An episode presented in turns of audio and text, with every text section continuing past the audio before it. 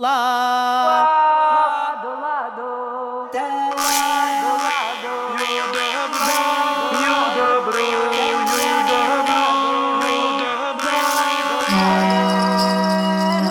Sērsnu mēneša pirmajā pusē labu dienu jums teica latviešu tradicionālās kultūras raidījuma laika ratariti vadītāja Iveta Medene. Šodien studijā esmu aicinājusi etnomuzikoloģi Lauma Bērzu pastāstīt par īpašu dziedāšanas veidu gavilēšanu, kas savā pirmatnējā nozīmē izpauž sasaukšanos, sazināšanos vai saūjināšanos. Labdien, Lauma! Labdien! Aucia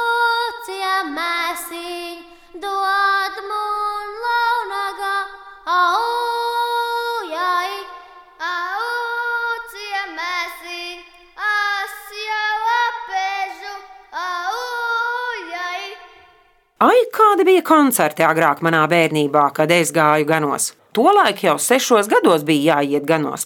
Nu, ja kad izgāja tajos ganos, cīrulīši, lakstīgalas, dzēguzes, ikas tik vēl nebija, visi dziedāja.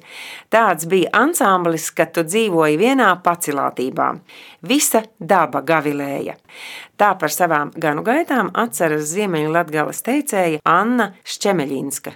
Mūsdienās gavilēšana plašāk zināma kā priecīga līksma noskaņojuma skaļa izpausme, bet dainās gavilēšanai ir dažādi konteksti. Tā var būt skanīga, tālu dzirdama komunikācija starp cilvēkiem vai ganu un viņa lopiem, taču tā var būt individuāla vokāla izpausme priecīgā emocionāla pacēluma brīdī. Gavilē arī gauži, līdz dziesma izved no skumjām, līdz atkal balss pati lido līdzi putniem debesīs.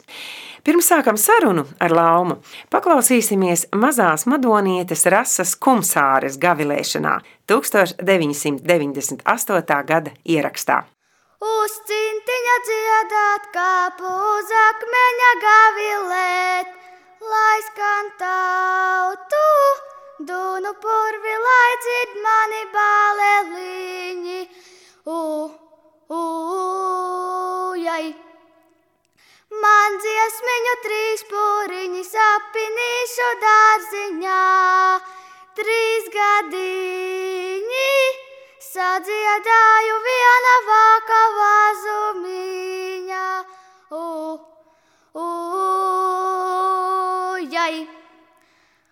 Rītā agri piecēlos, skaistu dziesmu nodziedāju, no hošijāmi, no kļavijami, no smalkijami, bērziņijami, u, u, jai. Māci mani māmuliņa, tu dziesmiņas daudz zināji, ko dziedāti. Maltu ko uz lauka strādājoti. U, u, jai. Lama, pastāsti par vārda gavilēt izcelsmi un etimoloģiju. Vārds gavilēt eh, latviešu valodas vārnīcās jau ir ļoti sen, jau Kārļa Mīlenbacha latviešu valodas vārnīcā blakus literārajai formai gavilēt dotas arī vairākas lokālās formas, kuras mūsdienās mēs vairs nezinām.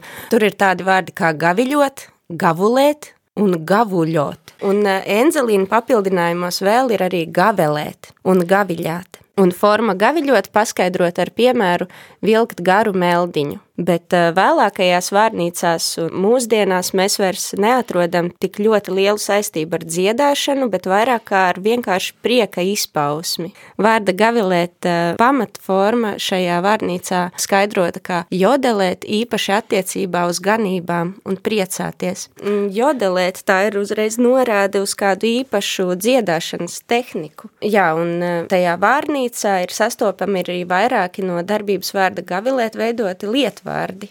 Gaviliens, kas ir jodelēšana vienu reizi vai prieka sauciens, un vārdiem gavilis un gaviļnieks agrāk bijušas divas nozīmes. Pirmajā gadījumā vokāla līksmošana un gaviļnieks kā persona, kas to dara. Gaviļnieks. Un tur ir sasauc arī ar jubilīrenu. Mīlenbacha vārnīcā ir tas skaidrots gaviļnieks kā jubilērs. Interesanti, ka tautas dziesmās gavilēšana un dziedāšana ir minētas gan kā vienlīdzīgas darbības, gan atšķirīgas. Nu, piemēram, kā šī dziesmā. Es dziedāju gavilēju uz robežas stāvēdama, es dziedāju gavilēju. Vai tie akli ciema puiši, kad tie mani neredzēja, vai tie akli ciema puiši? Es dziedāju gavilēju. Jā, nu tautas dziesmās var redzēt, ka vārdam gavilēt tiešām ir vairākas nozīmes, gan kā prieka izpausme, gan arī savienojumā īpaši ar um, gauži. Tā parādās kā veids, kā izpaust bēdas, bet uh, šī gavilēšana vienmēr ir kaut kāds intensīvs emocionāls notikums. Un Konstantīns Karulis, etimologs, domā, ka šis vārds gavilēt eh, latviešu valodā nāk no sanskrita, kur ir vārds ar nozīmi gavilēt, gangujati. Un tieši to arī tas nozīmē gavilēt. Un no šī pirmvalodas rekonstruētās formas ir radies arī vārds gausties. Gausties un gaurēt. Gaurēt. Gaurēt, kas nozīmē neprātīgi kliegt, maut, baurot un gaurāt, ko agrāk izmantoja kā krākt, šalkt un aurot. Bilis Bendors piebilst, ka šis gavilēt eh, līdzās līgot un rotāt ir viens no tādiem vokālās tehnikas apzīmējumiem, eh, kurš nāk no ļoti seniem laikiem, no šiem indoeiropiešu pirmvalodas laikiem. Bet kas tad gavilē? Jurijāna Andrejs atsaucoties gan uz tautas dziesmām, gan paša pieredzēto raksta. Lai gan dažos apgabalos apgalvoja, ka gavilēja tikai ganos, tomēr pašas tautas dziesmas rāda, ka gavilējuši arī citi darbinieki – arāji, acētāji, vadītāji un pat ceļa vīri, par ko arī pats savās jaunības dienās pārliecinājies.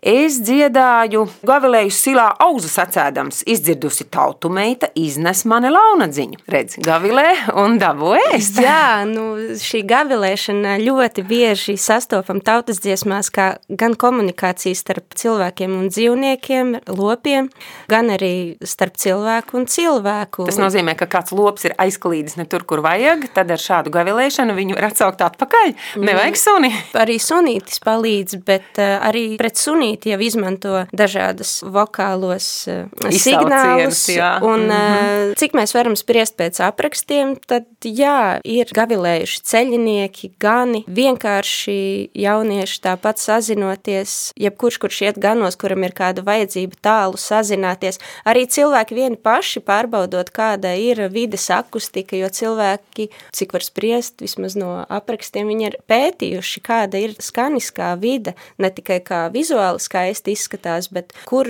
atskan atbalsts un ar šīm gavilēšanām, kas ir spalgas, augstas skaņas, to ir vienkārši un labi izdarīt. Viņas tam ir paredzētas, un arī mēs redzam, ka cilvēki ir kāpuši uz akmeņa, kāpuši kokā dziedāt, un uh, Igauņu pētniece Anu Visela raksta, ka ir izmantotas arī rokas kā megafons, lai tālāk šī skaņa ietu. Paklausīsimies mazo vērtumnieku ganu gavilēšanas dziesmu.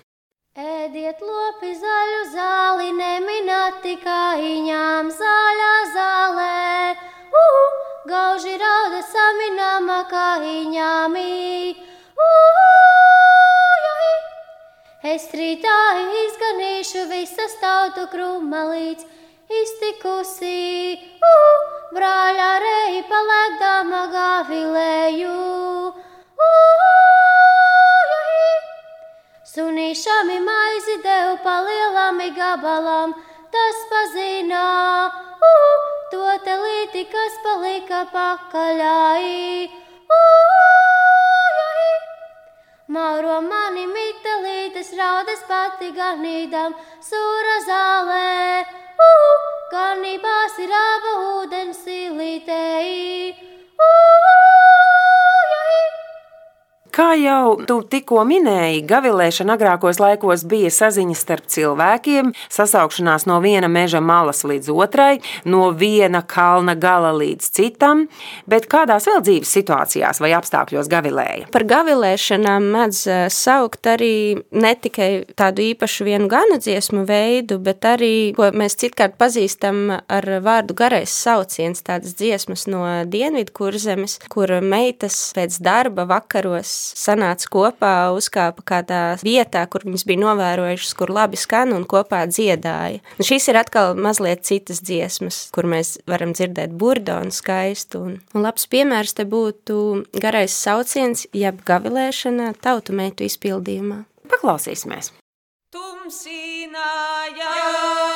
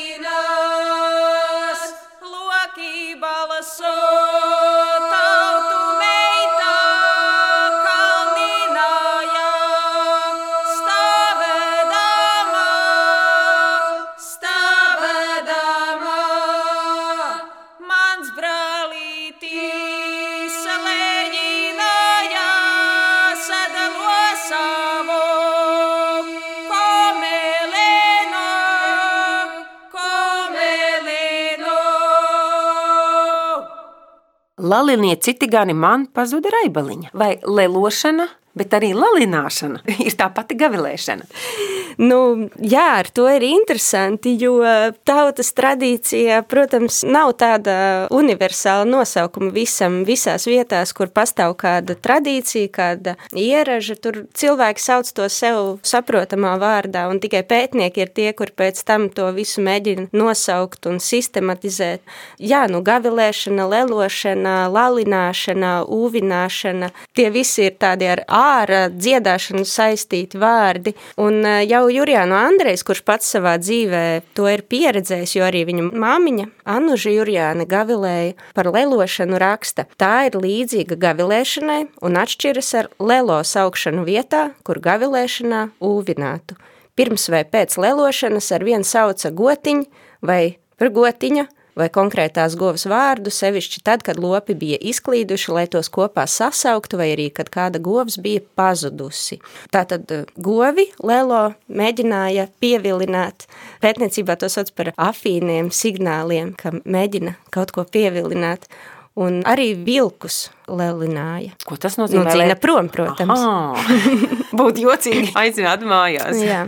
Vai gavilēja vairākos gada laikos, kad sāk un kad beidz? Nu šeit es neko labāku neizdomāšu par to, ko jau ir pateicis Krišāns Barons, jā, jo viņš tiešām ir dzīvojis tajā laikā, un viņš raksta tik līdz pavasara siltā saulīte un dienvidus vakaru mīkstie vēji atsedza balto sniega sakšu uz zemes māmiņas mīlīgā vaiga, un daba sāka mosties no cietā ziemas miega, un cīrulis trilinādams pacēlās virs druvas tūliņ atskanēja arī malu malās līksmas gaviļu dziesmas iz cilvēka krūts. Šie pirmie gavilētāji bija gani un sevišķi avju gani, kuriem drusku vēlāk pievienojās arī govju gani, bet gavilēja arī vēlāk un laikam visu vasaru cauri. Vai tu pati arī varētu nodemonstrēt gavilēšanu? Jā, Dieva dēli ganos gāja zelta rīkste rociņā, svēta mārā.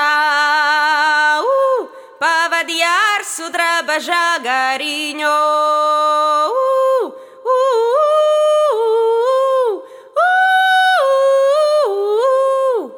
Ar godiņu jaunas meitas, ne ar zeltu sudrabiņu, zelta sudrabu. Ida bija godu vairs nedabīja. Uh, uh,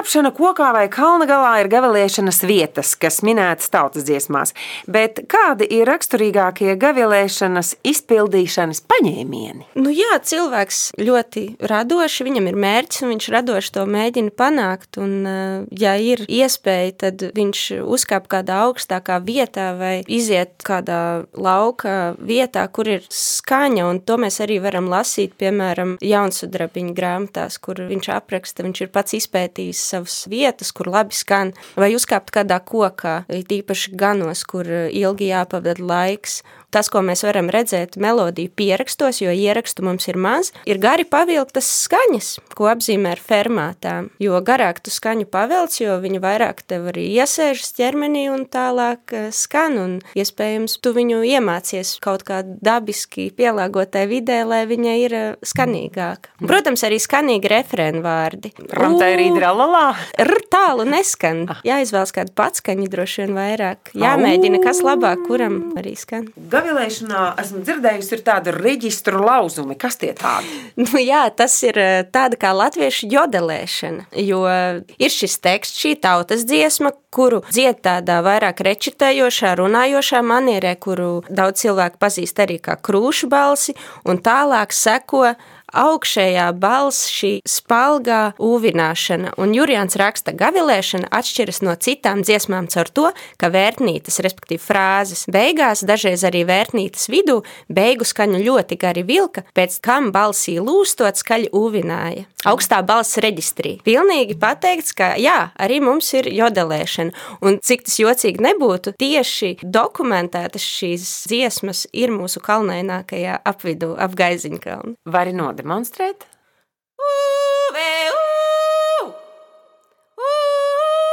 E aí? E aí? Kādi, tavuprāt, ir galvenie gavilēšanas melodikas tipi? Ar gavilēšanām ir ļoti interesanti, jo daļa dziesmu ir eh, modālas, tātad tās atbilst tādām senākām skaņkārtām, ir arī tonālas dziesmas, kas ir mažorā vai minorā, bet ir arī pavisam interesantas dziesmas, ko nemaz uz mūsdienu instrumentiem, piemēram, klavierēm nevarētu nospēlēt, jo viņu skaņkārta veidojas ar citām likumsakarībām. Kā tu skaidrot dziedāšanu virstoņos? Jā, šī citādā skaņu kārtība, par kuras runāju, veidojas no tādas dabiskas parādības kā virstoņi. Katrai skaņai ir ne tikai pamatonis, ko mēs dzirdam vislabāk, bet arī virstoņi, kas vai nu veido skaņas tembru, vai arī, ja mēs atrodam veidu, kā to izšķirt, piemēram, virstoņu dziedāšanā cilvēki ir iemācījušies izšķirt pa vienam virstonim un samazināt to pamatoni, tad ar šiem virstoņiem var veidot arī melodiju. Un šie virstoņi ir tāda no dabas nākoša fiziska parādība, no kuras agrāk veidojās skaņkārtas, kuras cilvēki arī dziedāja. Kaut gan dabiskā skaņkārta ir tādiem instrumentiem kā virstoņa flauta, arī ganu instrumentiem, dažādiem ragiem, kuriem nav šo caurumiņu un nav šo tehnoloģiju, kas izlīdzinātu skaņojumu, bet varbūt esat dzirdējuši, alpos ir tie garie ragi, kuri, filmās. kuriem izklausās, ka mazliet šķībi spēlē, bet uh, patiesībā tā ir fizika. Un arī latviešiem mūsu laukos agrāk ir bijuši dažādi ragi, diemžēl ierakstu mums nav, un mm -hmm. šajās gavilēšanās cilvēki mēģinājuši, acīm redzot, kopēt ir šīs ragu skaņas un arī panākt, lai viņu balss ir tikpat tālu dzirdama. Ar tādu funkciju. Jā. Un tagad būs dzirdama virstoņa flauta, kurā es tikai pūtīšu un nespiedīšu nevienu caurumiņu, jo tādu tur vienkārši nav.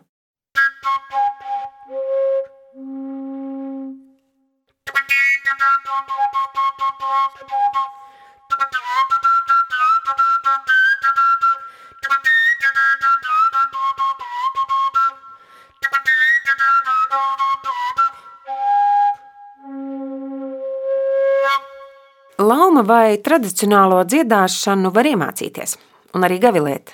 To var izdarīt mūsdienās cilvēki. Tradicionāla dziedāšana nozīmē to, ka viņa ir apgūta nespeciāli. Bet uh, dziedāt tradicionālā manierē noteikti var iemācīties. Un es to arī esmu centusies izdarīt un ar lielāko prieku. Mainoties sociāli vēsturiskajiem apstākļiem un ganīšanas kultūrai, ganu gavilēšana kā īpaša vokālā tehnika ir izzudusi, saglabājoties vienīgi nošu pierakstā un retās folkloras ansambļa rekonstrukcijās. Latviešu folkloras krātuves arhīvā var noklausīties vienu no retajiem 20. gadsimta sākuma ganu gavilēšanas ierakstiem - Vējavas dziedātājas Maijas Bērskalnas izpildījumā. Piedāvājam šo ierakstu paklausīties. Kalnā kāpās piedāti uz akmeņa gavilās, lai tik